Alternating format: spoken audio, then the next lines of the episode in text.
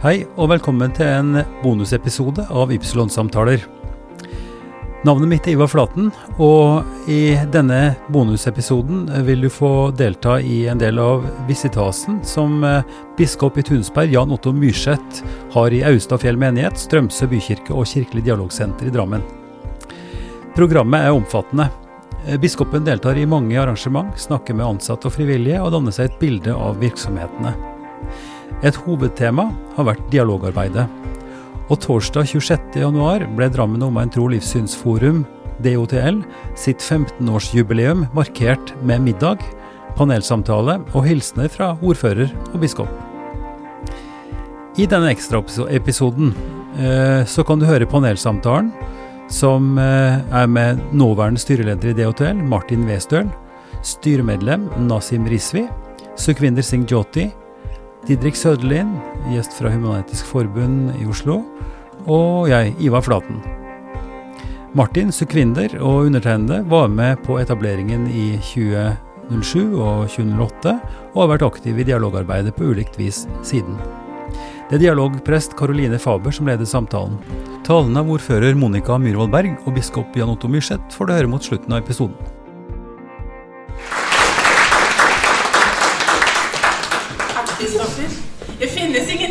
Ingen som dialogprest. Jeg tenker at dette er kanskje på en måte min innsettelse som dialogprest. Det er en veldig fin tanke. Og jeg har da vært prest i Drammen lenge, egentlig. Vanlig menighetsprest. Og som veldig mange andre vanlige menighetsprester så har jeg bare vært innom DTL en gang iblant. Kanskje. Selv om jeg er et dialoginteressert menneske helt dypt ned i sjela mi. Og det er kanskje mange som har det litt sånn. Så nå har jeg allerede møtt noen av dere i forskjellige sammenhenger. Men jeg brenner. Altså, eller jeg lengter etter å lære nå. Jeg er nysgjerrig. Og jeg er ny. Og det er også litt bra å være ny, for da kan man spørre om mange ting og lure på mange ting. Og derfor så er det denne panelsamtalen blir også en, en liten læring for meg nå. Eh, selv om jeg vet litt, så er det veldig fint å høre fra folk med lang fartstid både i DTL og i dialog om hva var det den gangen for 15 år siden.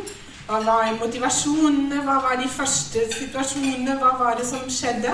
Hva er vi stolte av? Hva savner vi nå? Har pandemien ødelagt noe? Er det noe som har blitt borte av det som er viktig for oss? Og hva skal vi gjøre fremover? Hva er viktig? Så det er litt av det vi skal snakke om nå. Trenger dere å vite noe mer om meg? Jeg vet ikke. Jeg er altså prest i Norsk kirke, men jeg er også innvandrer. Jeg kom fra Tyskland i 2008. Jeg har også en dobbeltidentitet. Jeg er en far som er katolikk, og en mor som er lutheraner. Så jeg er vant med å ha et bein i to leirer. Selv om det er den samme konfesjonen, så er det to forskjellige kirker. Så det tenker jeg er noe av det som gjør den jobben ekstra spennende for meg også. For at jeg kan kjenne igjen eh, forhandlinger og navigasjoner, og også følelsen av å være av å ikke være en del av dette samfunnet. Det er ikke så lenge siden for meg heller at jeg måtte øve meg på språket, og at jeg måtte å, gå over noen terskler. Så det syns jeg eh, kanskje er en slags styrke. Da vil jeg gjerne be mine panelgjester på nå må jeg ha eh, jukselapp, sånn at jeg sier noe riktig. Dette er ikke noe sånn prioritert rekkefølge, men jeg ber om Martin Wiester først. Fordi han er styreleder. Og han har vært styreleder i DTL siden 2020. Ja. Og han var også møteleder da DTL ble stiftet. Han er leder i menighetsrådet i Metodistkirken i Drammen på Strømsø. Og hovedstyret i Metodistkirken i hele Norge. Og bor på Strømsø. Vær så god.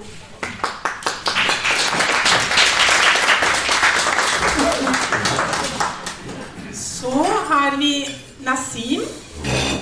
Hvor er Nasim? Ja, der, ja. Nasim Risvi. Hun er nestleder i styret i DTL. Og det har hun vært i et år. Men hun er også nestleder i Buskerud innvandrerråd og har lang fartstid i integreringsarbeid. Hun representerer det muslimske trossamfunnet på rett vei. Og så arbeider i Studieforbundet AF. Hun bor i Krokstad. Vær så god, Nesten.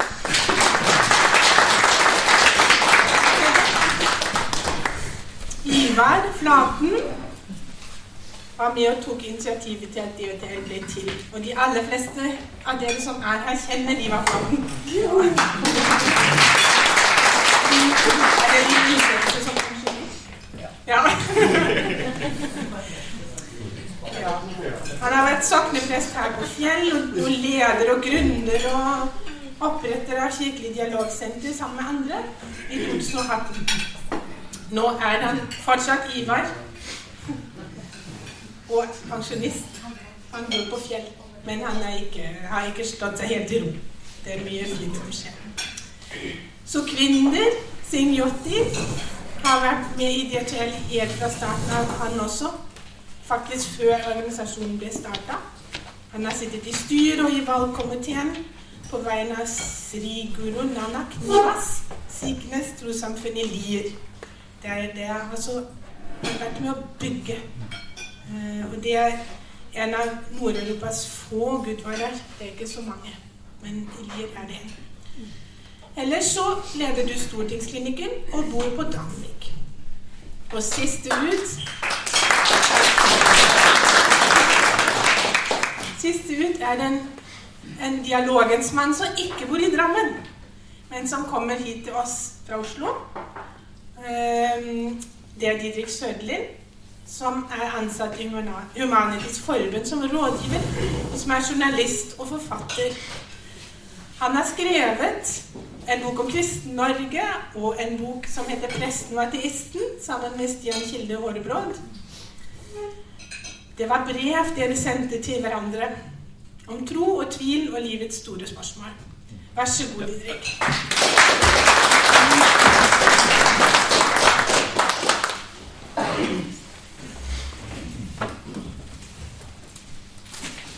Da har jeg lyst til at vi går tilbake til start, siden det er jubileumsår. For jeg Mye av dette kan høres i Ivars podkast Ypsilon-samtale, faktisk. Det er et arkiv også over personligheter og, og situasjoner og historier fra dialogmiljøet i Drammen. Så det har jeg gjort. Og der var egentlig den samtalen med Sykvinde var helt uh, fascinerende fint om hvordan DHTL ble til. Og særlig også hvilke kriser på en måte som har fått DHTL til å bli til. Så det har jeg lyst til at dere to skal fortelle oss nå. Og da tenker jeg særlig på karikaturstilen, og så tenker jeg også på, på 22. juli som den første store fellesmobiliseringen, kanskje. Vær så god. Ivar, vil du starte?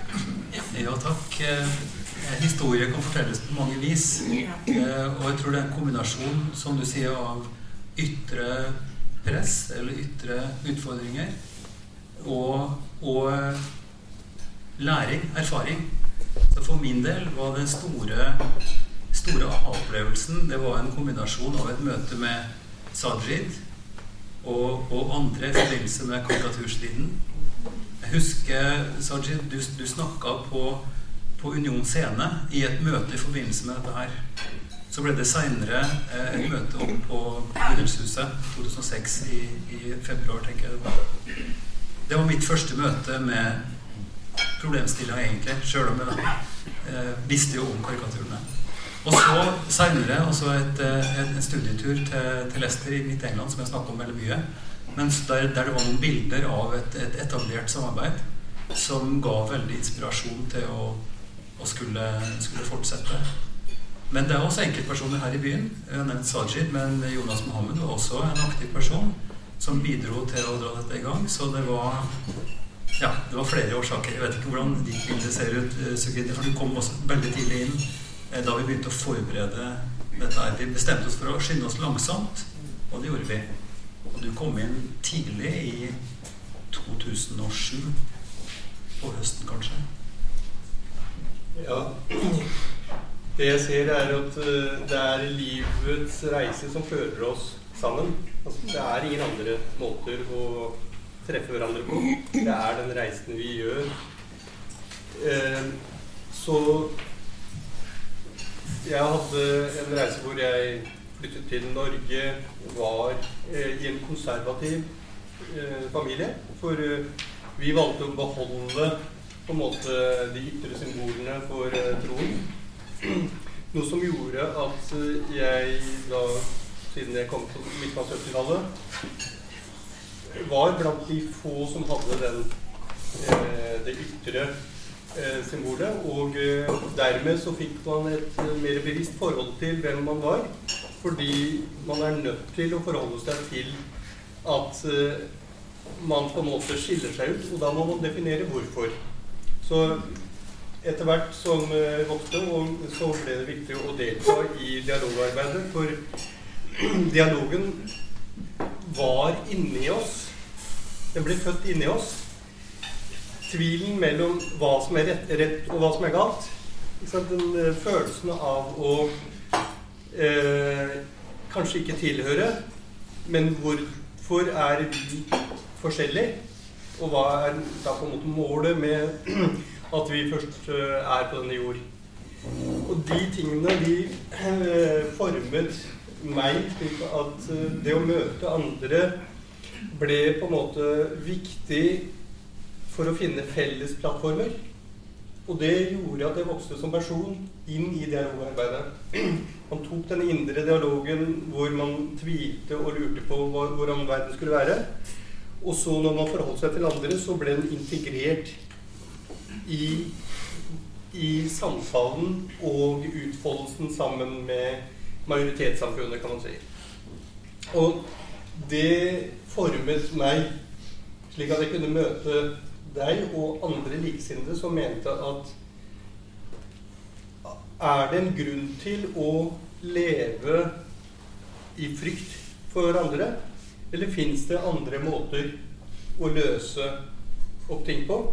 Og jeg var jo da gjennom min oppvekst ble alltid den ene sikhen og den eneste brune ofte eh, i majoritet i hvit samfunn.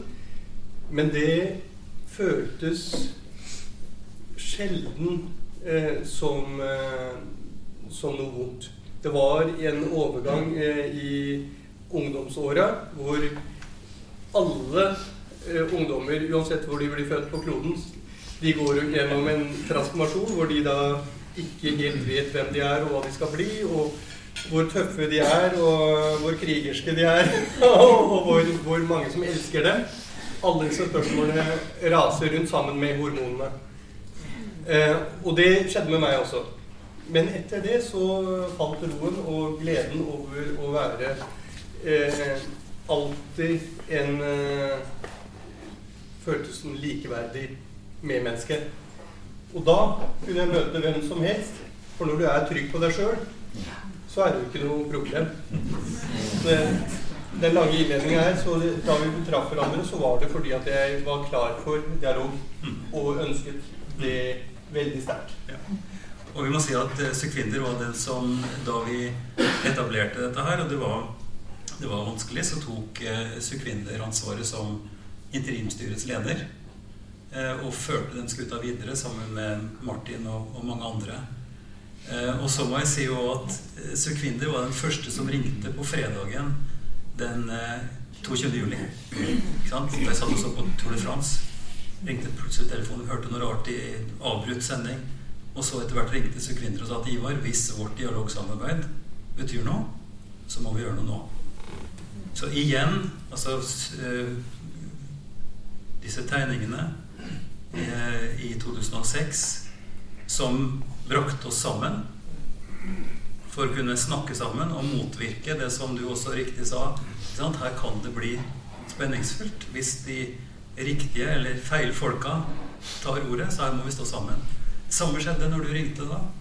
Så møttes vi dagen etter i Bragernes og mobiliserte. Og, og på, på, søndagen, altså bare to dager etter, etter dette anslaget, så var vi hundrevis av folk på Ypsilon eh, med roser og lys, og så kjenner vi rosetoget som etter hvert kom.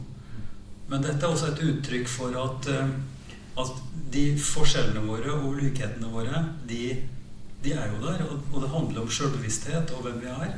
Men samtidig så har vi et så utrolig stort ansvar for å ta vare på hverandre i et mangfoldig fellesskap. Og det er motoren, drivkraften, og det som har brakt eh, DHTL videre der vi er nå. Og så er det veldig mange enkelte ting, så klart. Ja. Men det er relasjoner, da. Og en tillit som er bygget i relasjoner, og så blir det Nå gjør vi det. Ja. Møtte dere motstand? Jeg tror kanskje Martin skal få si han er Ja. møteleder for Ja, etableringsmøtet. Vær så god. Det vet jo dere bedre. Eh, vi møttes jo Jeg ble med altså i 2007 eh, og var med i dette interimstyret. Eh, og det er sånn at når vi setter oss i en forsamling som i dag, eh, så er vi hyggelige med hverandre. Vi er eh, flinke til å se muligheter. Og vi forstår ganske fort at vi er like. Men det faktum at vi er like, det betyr ikke at vi er enige i alt og alle. Og det fikk vi til de grader merke når vi skulle stiftes. Slik at jeg tror noe av styrken med det hotellet er det at vi kan være uenige. Det møtte folk på vårt stiftelsesmøte som ønsket å hindre stiftelse. Det er ganske- Eh, ulike argumenter, men mye på hva er poenget. Eh, hvem har makt og ikke makt. Og alt kommer tett på oss. Eh, men vi var enige nok til at eh, en del av oss valgte å stifte. Rundt 15 eh, ulike menigheter, trossamfunn og organisasjoner eh, stiftet. Og gjennom det jobben så er det nettopp det å bli kjent med hverandre. Fra 15 så har vi vokst til nesten det dobbelte. Vi begynner å bli kjent med hverandre også når det stormer litt.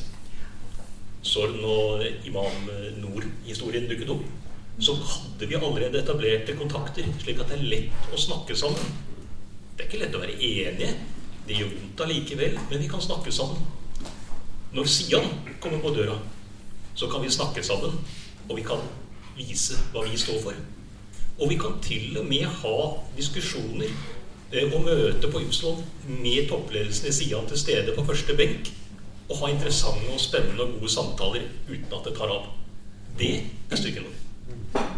Ja, for det er, det er noe jeg, jeg skulle spørre hva er dere stolt av fra den tida, og det er noe å være stolt av. At man, eh, at man kan stå i uenighet og holde også relasjoner gjennom uenighet. Men, men det er jo en problemstilling da som kom på det møtet, som er gyldig fortsatt, og som kanskje har fått enda større styrke nå. Eh, og det handler jo om Den norske kirkes majoritet. Og Den norske kirkes eh, fortrinn eller, eller forrang f.eks. For i forhold til kommunen. Monica. Ikke sant? At det er en egen relasjon, for kommunen har et ansvar. sånn sett. Og da tror jeg noen oppfattet det som problematisk at det skulle etableres et, et forum, et, et, en institusjon som skulle favne alle og representere alle. Fordi at det er jo ikke slik at vi kjører representasjon i forumet. Der har alle sin stemme. Eh, og jeg tror nok det var en av grunnene til at det opplevdes eh, problematisk. Alle var for formålet, men når vi begynte å diskutere oppbygging og sånn, så var det mange som, som trakk seg. Så omtrent halvparten gikk. Eh, men det var et flertall for å, stifte, og det ble stifta, og vi fortsatte diskusjonene da. Men holdt på enda noen måneder for å etablere det. Så det var en, det var en relativt trang start, og det må det tror jeg hovedsakelig Den norske kirke ta ansvar for. Ja. Og vi kan jo senere gå litt inn på hva man kan jobbe videre med. Men det lurer jeg på f.eks. om er en ting som eh, den læringa for, for det største trossamfunnet med å ha den dobbeltrollen. Med å være liksom for alle, og samtidig en av alle. Det er en vanskelig, vanskelig dobbeltrolle å fylle, egentlig. Og den er ikke så gammel. Så, og Kirken bruker tid, tror jeg, på å finne sin rolle der. Um, hva Ja? Vær så god. Jeg hadde bare lyst til å eh, fylle inn at eh, den dagen jeg ringte deg, og det var eh, fredag 22. juli, så hadde jeg vært 300 meter fra åstedet. Jeg var på jobb, skulle stenge for sommeren. Dette var juli. Og vi visste ikke hva som var skjedd. Og så bare røyken kom opp fordi at vi holder til like nærheten av statsministerens kontor. Gamle iallfall. Og jeg hadde da vært redd for å vise meg i gatebildet på vei til Drammen. Jeg, det, var en, det, var veldig vanskelig, for jeg hadde parkert eh, bilen eh, under tinghuset, som er like nærheten, og eh, ble avstengt derfra, så jeg kunne ikke nå bilen. Eh, politiet hadde avstengt eh, kvartalet. Og eh, jeg følte en stor usikkerhet på om det å være så synlig utlending var da en liability. For de aller fleste gikk rundt sånn 80-90% og tenkte at dette var en eh, type islamsk eh, jeg mener, Når jeg sier islamsk, så mener jeg ikke at folk som er rettroende. Jeg mener folk som eh, skjuler seg bak mange ganger sånne begreper. Og jeg tenkte at jeg ser jo ut så, som om jeg skulle være en uh, muslim. Uh, Iallfall de som velger å angripe og gjøre sånne ting, de har iallfall ikke noe særlig fine mål på hvem som er hvem. Så der gikk jeg og var redd for folkemassen mens jeg prøvde å finne bilen min. Det tok flere timer.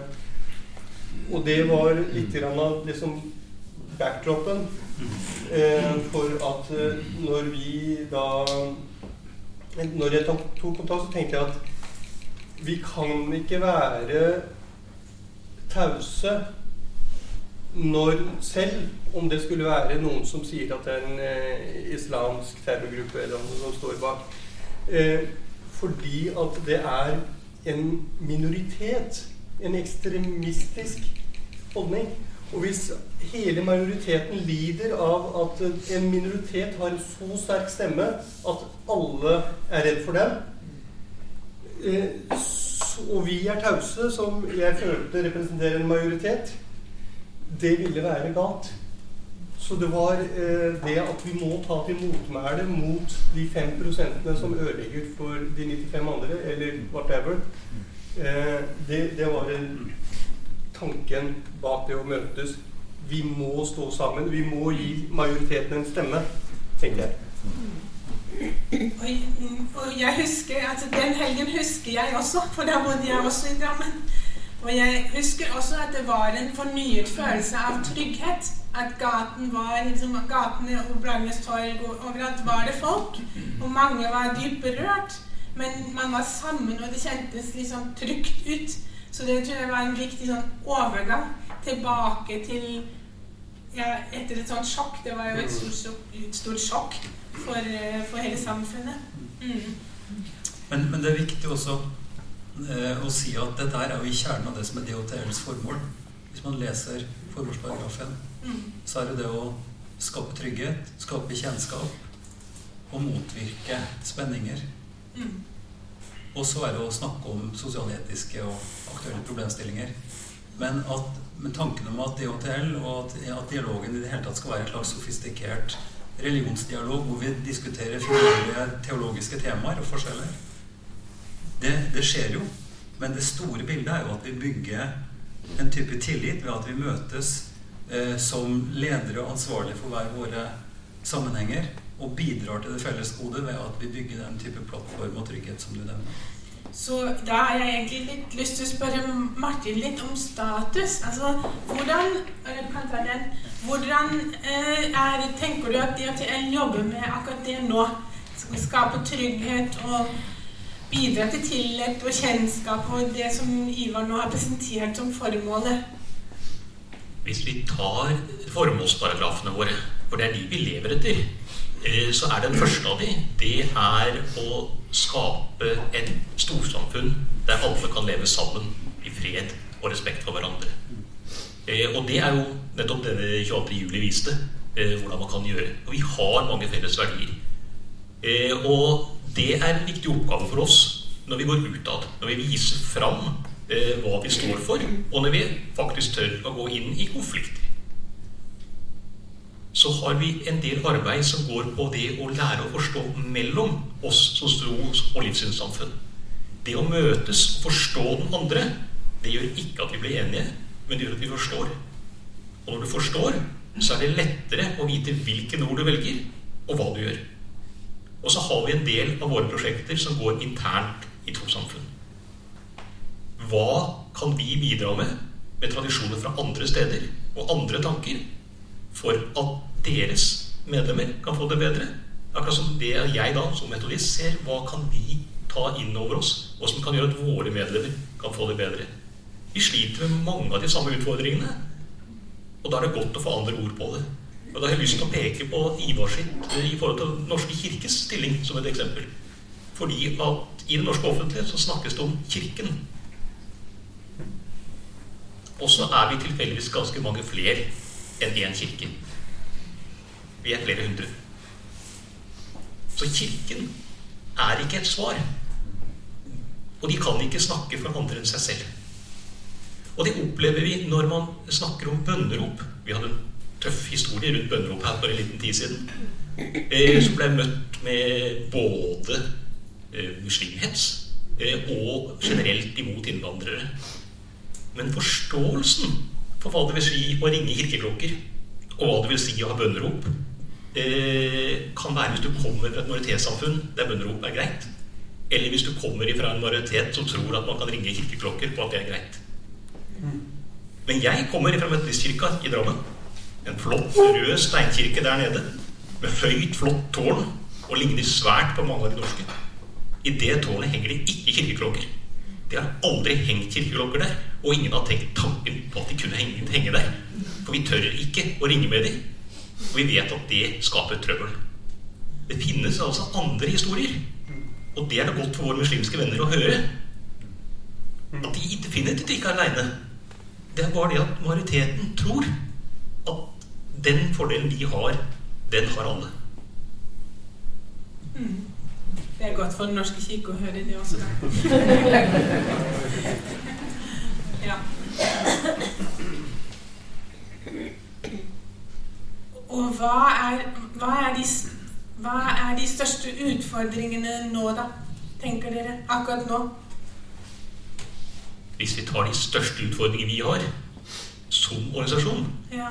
Så er det hvordan vi faktisk klarer å aktivere alle de fantastiske frivillige som er der ute. Mange av oss som har driver våre organisasjoner, har nok med oss selv. Det krever ekstra å ta det steget ut og gjøre noe. Eh, og det krever samarbeid. Så spørsmålet igjen og pekte i forhold til kommunen.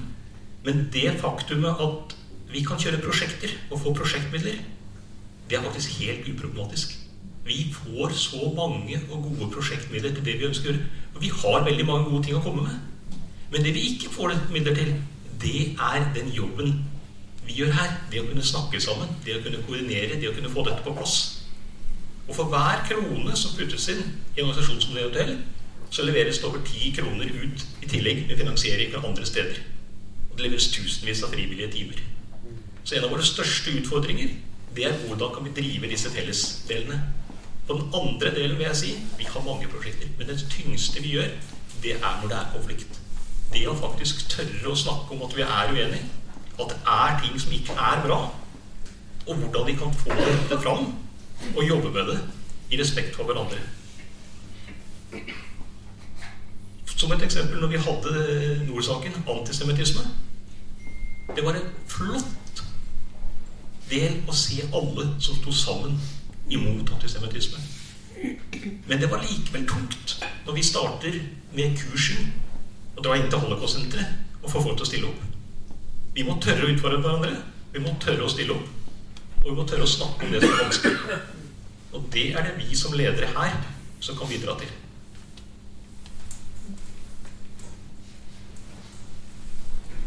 Eh, Noen ganger, som i en som er kommet så mye senere, da, sånn, så kan jeg få en sånn følelse av at eh,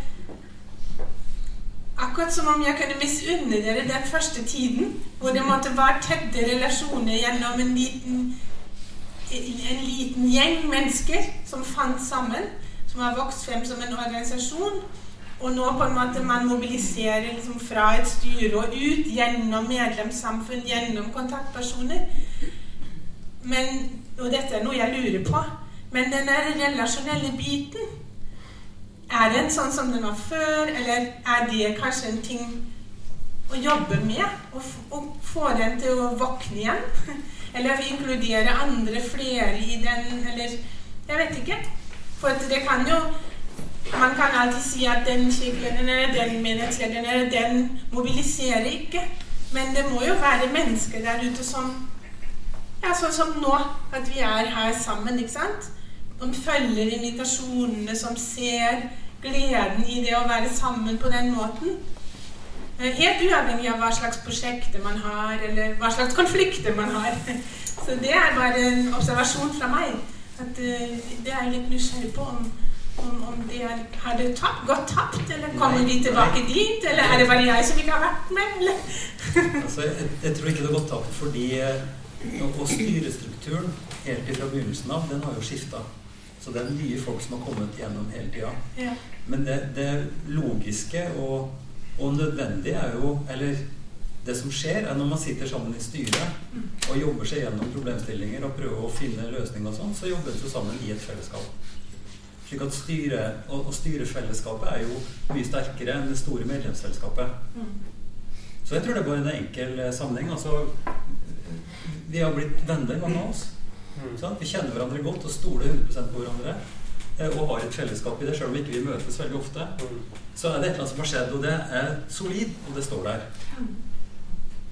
Men det gode spørsmålet, det er jo hvordan klarer en å få eh, Og da er Jeg har mast om det her før, men, men det, det, er jo, det, er to forskjellige ting som er veldig viktige samtidig. Det ene er jo at en har et sterkt og godt fellesskap, sånn som vi har her i Fjell kirke, ikke sant? i menigheten.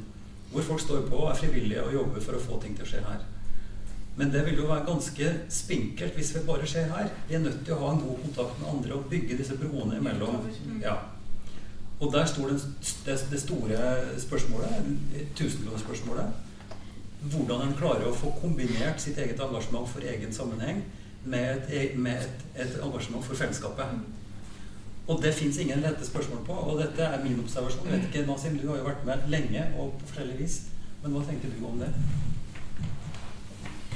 Det er veldig viktig det du sier, Ivar. At um, å løfte, løfte frem den erfaringen som DHTL og egentlig utenom DHTL så har du jo jobbet med mye tverrreligiøst og tverrkulturelt arbeid.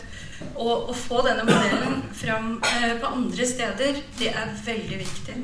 For eh, Drammen har jo på mange måter vært en foregangskommune når det gjelder eh, utfordringer som eh, mange møter, spesielt eh, minoritetene. Og det at Drammen er en foregangskommune i dag, det har jo ikke kommet av seg selv.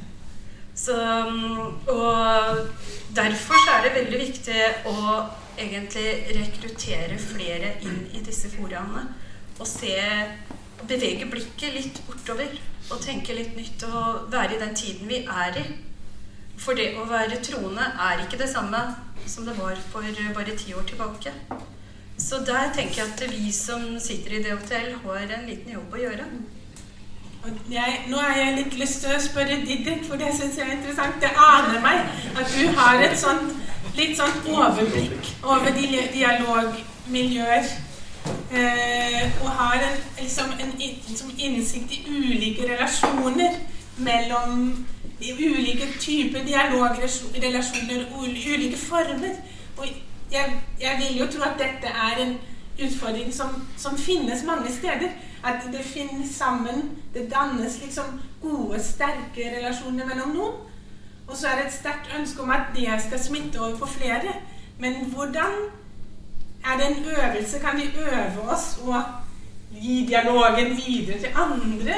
Kan vi inkludere? Kan vi lage flere nye steder eh, andre steder? eller, altså, har du, har du, en idé, eller har du, følger du den utfordringen, eller har du sett det andre steder, eller Oi, ja. Oi, det var et veldig stort spørsmål. ja. skulle- levere, skulle levere en enkel fasit på. nei, nei, nei, nei, ikke Eh, fasit. Ikke fasit. Men du er, du er også en som er ut, litt utenifra, og som har sett mye dialogsammenhenger rundt omkring. Og det syns jeg bare er interessant. Hva du tenker når du hører dette. Ikke noe med mer fasit enn det. Saken er en overordnet betydning, så er jo jeg som representant for Human-Etisk Forbund ikke utenfor dialogen. Fordi noe av det som er spesielt med eh, at andre steder i verden heter det religionsdialog. For der snakker religiøse mennesker sammen uh, over uh, religions- og konfesjonsskiller. Mens i Norge så har humanistene insistert på å være med på det fra starten. Så i Norge så heter det livssyns uh, religions- og livssynsdialog eller livssynsdialog. Eh, Så vi har vært med hele veien og vært dypt engasjert i det. Den som er leder for Samarbeidsrådet for tro og livssyn nå, er jo generalsekretær i Human-Etisk Forbund, min sjef. Så vi representerer Human-Etisk Forbund representerer katolikker og sikher og hinduer og muslimer overfor de norske myndighetene. ikke sant? Vi er, vi er dypt sauset inn i dette. Eh, så, så jeg, jeg vet ikke om jeg har noe sånn veldig sånn altså, vi, vi, ja, Samtidig så kom jo jeg inn i dette her pga. min egen personlige interesse. Jeg har alltid vært interessert i hva folk eh, tror på og ikke tror på. Og interessert i å utfordre meg selv. For en av grunnene til at jeg endte opp i den jobben jeg, jeg har nå, er at jeg hadde som hobby å besøke gudshus og sånt. Og, ja, og sjekke ut hva folk drev med. Og så plutselig så merker jeg når jeg nå sitter i Samarbeidsrådet for tro og livssyn, ser jeg at jeg har vært i nesten alle disse. ja, Hindutempelet i Slemmestad, der har jeg vært tre ganger. ikke sant? Altså, sånn er det på, på fritida. Jeg tok ikke helt feil. Fordi det er gøy, da. Eh, men men det, det jeg tror er at, at det, det som skjer her, er jo at vi er nødt til å, å finne ut av hvordan vi kan leve sammen. Eh, og en av de beste tingene med Norge er at vi kan ha forskjellig tro og livssyn uten å være redde for det. Uh, mange steder i verden så er det et spørsmål om liv og død. Hvilken, uh, hvilken tro eller livssyn du har. Det er, er steder i verden hvor jeg med mitt livssyn og min mangel på Guds tro ville vært i dødsfare. I Norge så er det mest, uh, mest dramatiske som kan skje at noen trekker på skuldrene og spør hvorfor i all verden sier du jeg er deg blanke i om du er ateist.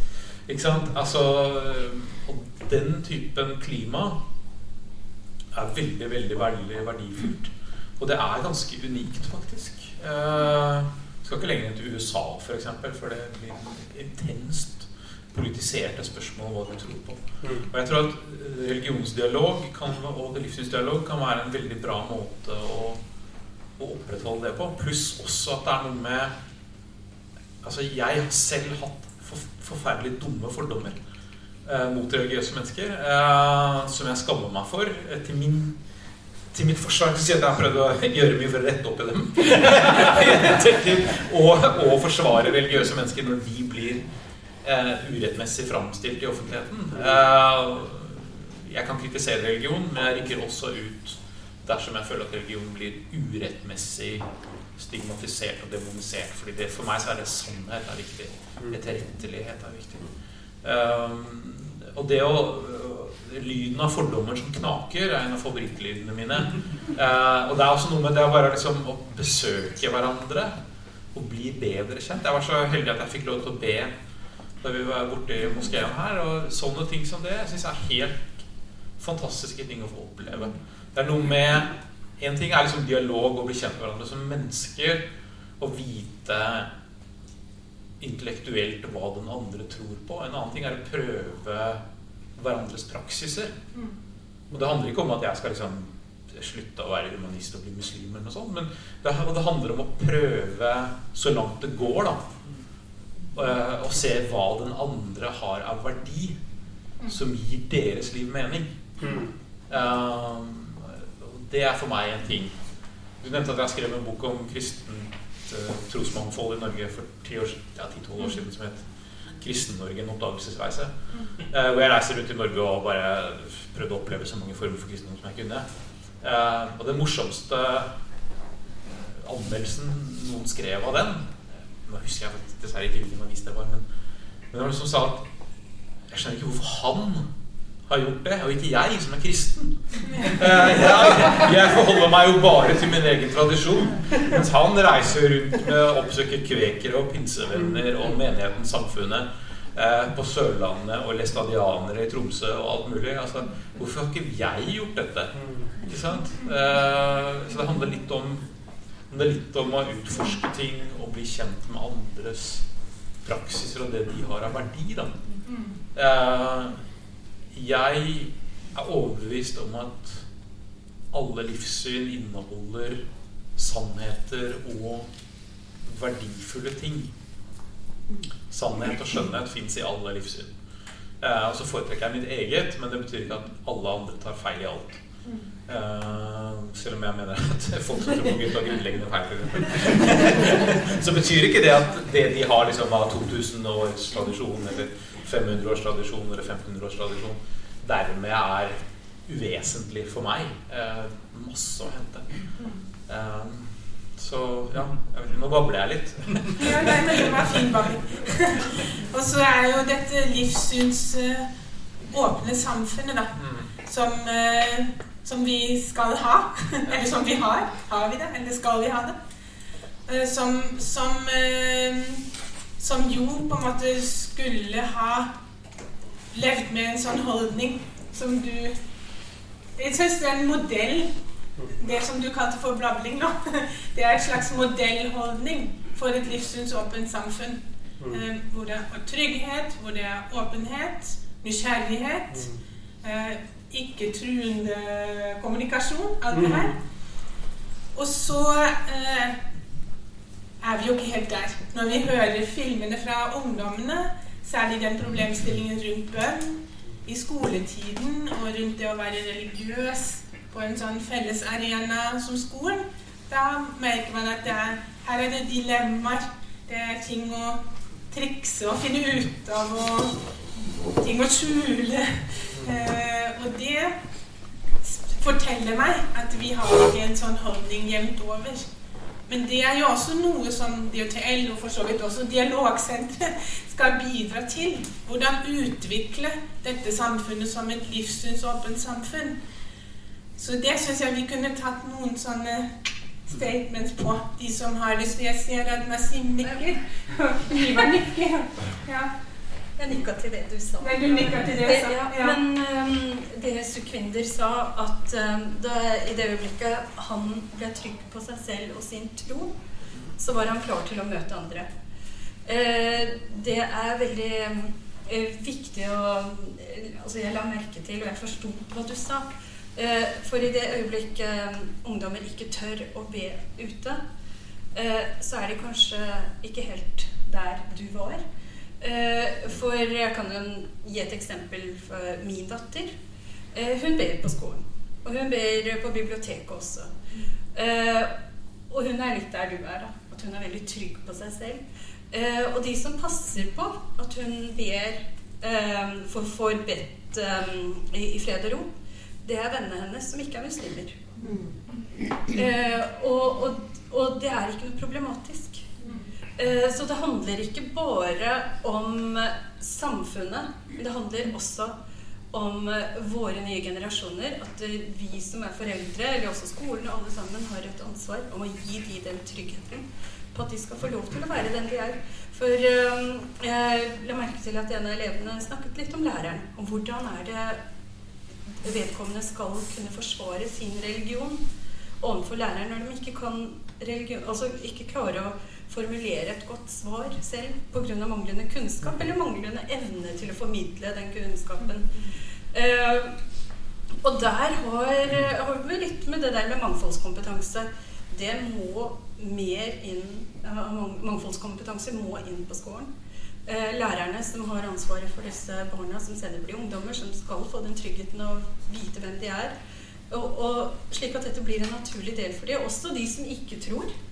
Det, er, også det skal være respekt uh, for hverandre. Og, så der har vi jo mange områder vi kan gjøre mye på. Det som uh, vi vel ikke sa, det er jo at, at DHTL har også blitt båret av folk som har jobba og fått betalt for det. At vi har et sekretariat, det som Martin var inne på. For kommunen var jo relativt tidlig ute med å gi oss et, et, et moderat, men et bidrag. Og det har fortsatt. Eh, og jeg vil også gi masse kred til Ingeborg, som er koordinator nå. Eh, og spesielt det som du presenterte med Uropoden. Altså Uro står for ungdom, religion og oppvekst. Og det er jo et område som du Nassim nå nevnte, å, å gi en røst og en stemme og synliggjøre ungdoms engasjement på det feltet der. Og så vil jeg fastholde, tror jeg, at eh, det ikke først og fremst er snakk om en type teologisk debatt, men det er snakk om en, en åpen kanal og en forståelse for mangfold. Eh, og en av de samtalene som jeg har hatt i podkasten, er jo med, med Arsander Vitre, som er vokst opp i i India med et ekstremt mangfold rundt seg. ikke sant? Med templer og kirker og moskeer og, og sånn. Og det, og, og, det helt, og, det, vil jo folk fra andre land nok kunne fortelle om, at den går uproblematisk inn i de ulike gudshusene. Eh, og det er nok et stykke dit for en nasjon som vår, som er så til de grader historisk eh, enhetlig. Ikke sant? Så det er et stort stykke arbeid som må gjøres, og det tror også av kirka internt å snakke om at mangfold er normalt som om det skulle være unormalt. Det er noen som slåss, så er det folk i Den norske kirke. Så flisa fyker ikke sant, på, på teologiske forskjeller. Altså slåss er jo men, men poenget er at det fins spissformulerte forskjeller, teologisk begrunna og, og, sånt noe. Eh, men det å trene seg opp i at det er greit, å forstå at mangfold er normalt, og at en dialoginstitusjon som DHTL har et stort ansvar der. Og så blir det opp til til, til styret og sånn, og, finne arenaer og metoder for å få dette aktualisert. Og for Kirkelig dialogsenter, som du er en del av, eh, og som er Den norske kirkes til stor del engasjement for dialog, så tror jeg det er også å finne kloke og gode måter i å samhandle med STL-strukturen på. Det som er DHTL DHTL er jo en del av STL-apparatet, som er for helheten. Men at uh, Den norske kirke, som da har bidratt til å starte sånne STL-grupper rundt i hele Norge, også fortsatt finner sin vei i det å jobbe med, med dialogen fra det perspektivet som majoritetsinstitusjon, tror jeg er kjempeviktig. Og der må man være kreativ og modig. Eh, og så må man snakke med biskoper og proster og ordførere og, og så videre for å finne ut av dette her. Men jeg tror sterkt på at det vil føre fram, eh, men at oppgavene er store, og de tar aldri slutt. Det føles ofte som to skritt fram, og så i hvert fall ett skritt tilbake. Ganske jevnt og trutt. Jeg må bare spørre Martin, for hva, hva skulle du ønske Hva skulle du ønske fra Den norske kirkes side, tenker jeg? Eller hva, hva ser du for deg? Hva ville vært en ønskesituasjon? Hva skal jeg jobbe for? jeg vet ikke om jeg bare skal ta ifra Den norske kirke. Jeg tror jeg egentlig ville tatt litt om eh, hva som har vært viktig for oss. Det var veldig viktig å ha med Human-Etisk Forbund når vi stiftet. Det gjorde godt å kunne se at vi også hadde livssyn. Det står religion og livssyn i den. Eh, det var godt for oss å føye på omveien og ikke bare ha til Drammen. Når Drammen ble større, så var det selvfølgelig greit, det òg. Men det at eh, vi ser en åpenhet videre utover, og de fordommene en har, de har vi på alle kanter. Eh, jeg husker jeg stilte spørsmålet når vi stiftet her, eh, om eh, hvordan man så på ting. Og da til en av disse muslimske lederne som var kommet. For spørsmålet der, det var jo hvorfor skal de kristne ha så mange stemmer i det hotellet? Vi har én per menighet som stiller. For de er jo like. Og da ble vi jo ganske fort enige selvfølgelig om at vi kan ha én for kristne og én for muslimer, for alle mener og tror det samme. Nei. og å forstå den forskjellen, og at det faktisk er ganske store forskjeller i alle trosretninger, det skaper den eh, vi vil ha. Og som sagt, Veldig ofte så føler jeg at vi ender i en situasjon der man peker på muslimer eller på kristne. Eh, omtrent som vi peker på en gruppe politikere. Politikere de er sånn, og de er alltid enige. Bra. Tiden er ute, Se, Ingeborg vifter med rosene. Takk skal dere ha for alle bidrag. Og vi ønsker de hotell et langt og godt og aktivt liv hvor dialogen ligger an. Takk for oss. Ordfører Monica Myhrvold Berg fra Arbeiderpartiet i Drammen. Hun eh, var også med på middagen og lytta til panelsamtalen. Hun fikk ordet til en hilsen etter samtalen. Jeg bare Er det alt 15 år siden jeg blei stifta? Jeg blei litt så. Er det så lenge siden, samtidig som jeg er så godt kjent med den jobben dere gjør? Og gjennom dialog og gjensidig forståelse så har jo akkurat dette forumet satt sitt preg på byen i alle disse åra. Og når jeg satt og hørte panelsamtalen her om starten, må jeg bare si at det blei litt gjenkjennende. Så jeg Herman ikke satt her, men bare akkurat eh, fra venstre. fordi ikke for å sammenligne politikk og religion og sånn for mye, men den starten deres opplevdes veldig som vår start eh, i politisk i Drammen. Fordi at eh, vi er ganske mange politiske partier, og vi hadde nødt til at noen tar ansvar for å lede og samle. Eh, og de rundene før vi klarte å bli enige og sitte og prate, det minte veldig, veldig om eh, deres start. Det er én ting dere bare er litt bedre på enn oss, det er dialog, og så blir det litt ofte mer debatt. Lenge før jeg blei ordfører, eh, så har jeg vært opptatt av dialog. Eh, og i dagens resultatorienterte samfunn så er det alltid hele tida mål som skal veies. Eh, og det er dialog som kanskje er litt fjernt for mange. Ofte så hører man er ikke det litt bortkasta tid. Vil bare si jeg kunne ikke vært mer uenig. For dialog det handler ikke om å skal forandre andre. Det handler ikke om at du skal overbevise eller diskutere deg fram til løsninger. Og dialog det er heller ikke å straffe eller belønne. Da er man kanskje mer på den debattbiten. En filosof som levde for veldig lenge siden, han sa det slik Dialog det handler om å finne det som gir mening i livet, og det som kan gi livet en mening. Og dette sitatet, kanskje noen kjente det igjen, er tilegnet Sokrates, som ble født for 2500 år siden. Dialog er altså en vei eller en metode for å gi mennesker fellesskap og trygghet gjennom å finne felles verdier. Og det skjer gjennom å lytte til hverandre. Og på den måten åpner dialogen for gjensidig respekt og forståelse. Og i denne sammenhengen så blir jo da 15 år kort tid. Men Drammen og Mengs tros- og livssynsforum Jeg tror jeg bare sier Dottel, er det greit? Det er, ja. Kan likevel være stolt over det dere har oppnådd, nettopp fordi at dialogen er en verdi i seg sjøl. Og så har jeg lyst til å bli litt sånn personlig, hvis jeg får lov til det, selv om jeg er invitert som ordfører. Men bakgrunnen min er jo fra skolen.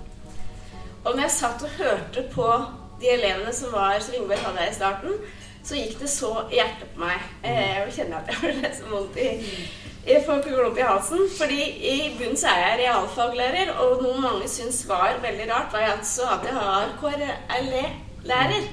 Eh, For det henger veldig dårlig sammen. Men det er jo akkurat det som de bokstavene KRLE står for, som var så veldig viktig for meg. Fordi eh, jeg starta som lærer på Gullskogen skole, hvor det var veldig mange ulike bakgrunner og religioner som tilhørte det området. Og for at jeg skulle få en klasse som var glad i hverandre, for det er det det handler om, ha respekten innad i et klasserom, så trengte man å forstå hvorfor man gjorde som man gjorde, hvorfor man var kledd som man gjorde, og hvorfor man opptredde, hvorfor man sa som man gjorde. Og det var kun gjennom dialog. Og derfor er jeg skal ikke gå politisk i det, man skal ha det faget eller ikke. Men for meg så var det så viktig å kunne bruke det faget til å få det innad i klasserommet. Fordi at først da forstår du og får respekten for et annet menneske når du har kunnskapen om det det står for.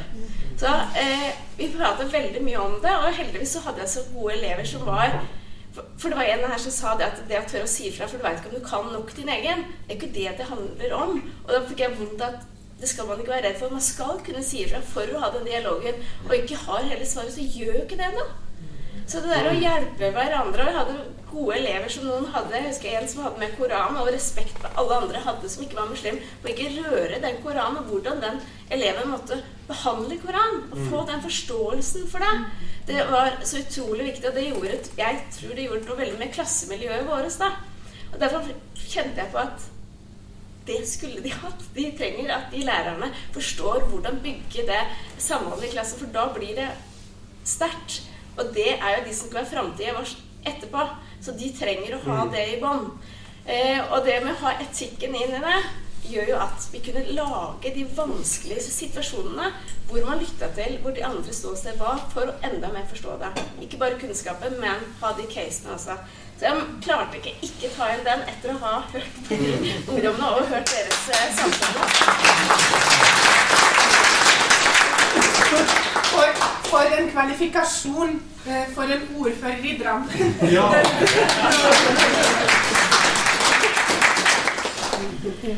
Og så er det en annen ting som jeg tenker som er viktig med dialogen. Fordi eh, ofte har man gode ideer. Man har veldig hvor man vil.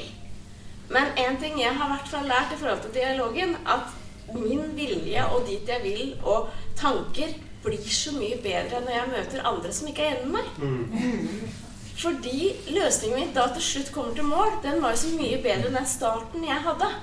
Så derfor er den der dialogen så viktig at vi former hverandre god i det løpet vi skal, ikke for å se på uliktene. Og så er det jo det, for å komme litt tilbake til ordførerrollen min, så har jeg jo det at jeg må tenke på både kort og lang sikt. Jeg må ha oversikt over de politiske møtene neste uke. Samtidig eh, som arbeidet med kommuneplanens samfunnsdel har perspektiv fram mot 2040. Og det trenger vi ha den gode dialogen sammen for å få til.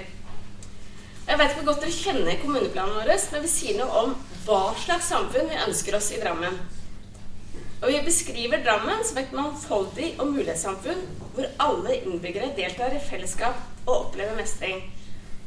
Og Nasim, det var jo det du akkurat satt og sa i stad. At det er Drammen. Da kjente jeg at Tenk at greit vi har det samme sted, men vi er mye av det er våre verdier allerede. Og vi vil skape flere arenaer for deltakelse. Og vi skal aktivt bruke det her mangfoldet som en ressurs. Og på den måten så skal vi alle, uavhengig av bakgrunnen vår og identiteten, skal bygge framtidas samfunn. Og det er ambisiøst. Og det er kanskje litt svulstig. Men jeg er ikke i tvil om at vi sammen kommer til å greie det. Og det er ikke fordi at vi er flere i Drammen at vi ser hverandre, og vi kan ha dialog med hverandre. Så jeg vil bare til sist si at det har vært så utrolig lærerikt å høre spesielt på panelsamtalen, og ikke minst mange viktige påminnelser som var der. Så nettopp fordi så mange her kjenner jo på håpet på om hva dialogarbeid som redskap og metode kan hjelpe oss i, i formingen av morgendagens Drammen. Så jeg vil bare si tusen takk for at jeg fikk komme, og lykke til med det viktige arbeidet i tida som kommer framover. Jeg heier skikkelig på dere. Biskop Jan Otto Myrseth har en lang fartstid også i dialog. Han eh, har jobba som prost i, Hønefoss, og han har vært domprost i Bergen, hvor han også var med på å stifte det lokale STL-laget der. Eh, han eh, er også styreleder for Kirkelig dialogsenter Drammen, og har dermed også erfaring i samarbeidet der. Og her får dere høre hans tale til avslutninga av middagen. Takk skal du ha. Takk skal du ha. Det er mulig at det, at det gir dere et litt billig poeng, og at det er veldig forutsigbart når biskopen sier følgende. Men jeg kan ikke motstå fristelsen. Til lykke med konfirmanten.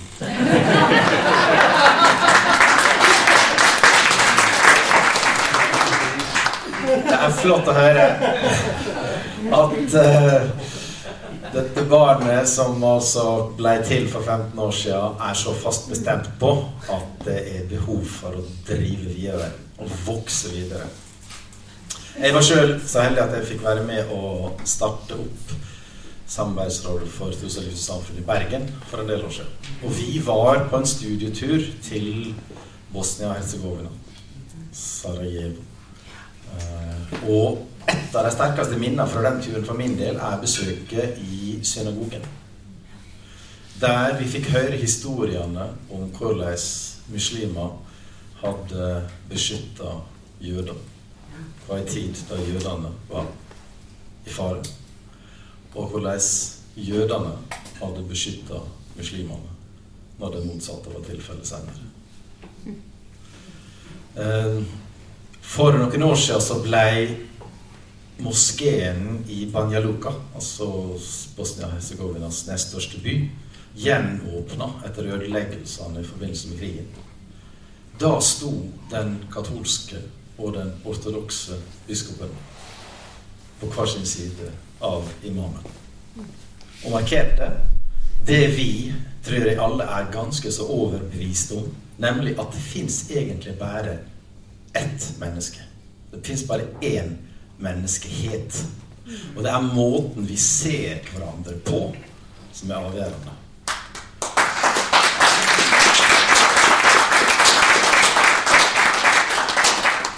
I lyset fra akkurat denne innsikten blir både hudfarge eller hva som vi måtte bære med oss av mental eller trosmessig bagasje, ganske så underordna.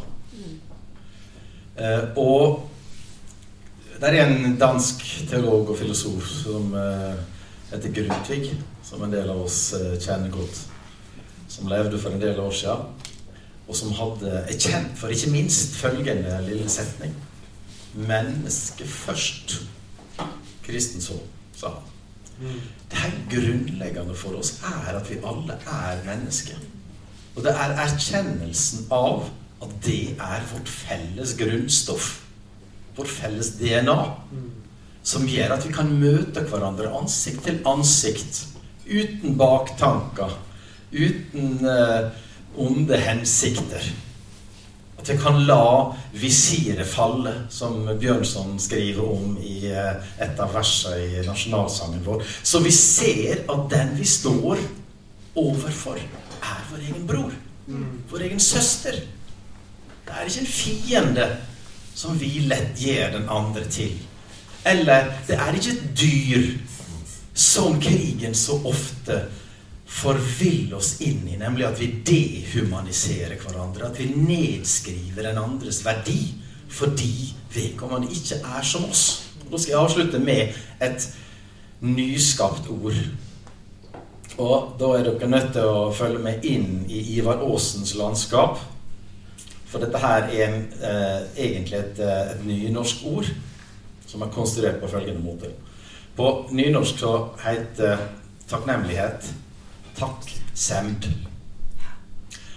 men var, jeg husker ikke hvem det var som hjalp meg i retning av denne innsikten her, sånn, men han sa den grunnleggende holdninga som kan hjelpe oss til å fastholde at vi hører sammen, og verdsette mangfoldet. Det er det vi kunne kalle for takk, semje. Semje er det nynorske ordet for enighet. Takksemje er ikke basert på enighet, men på en enhet som handler om en innsikt i at vi altså er det samme materialet. Og da kan jeg faktisk takke for den andres forskjellighet fra meg. Fordi at når jeg ser inn i dine øyne når jeg ser inn i ditt landskap, inn i ditt liv, så kompletteres mitt eget. Så berikes mitt eget. Min egen horisont. Og jeg kan være med meg videre den felles rikdommen som ligger i at vi er mennesker.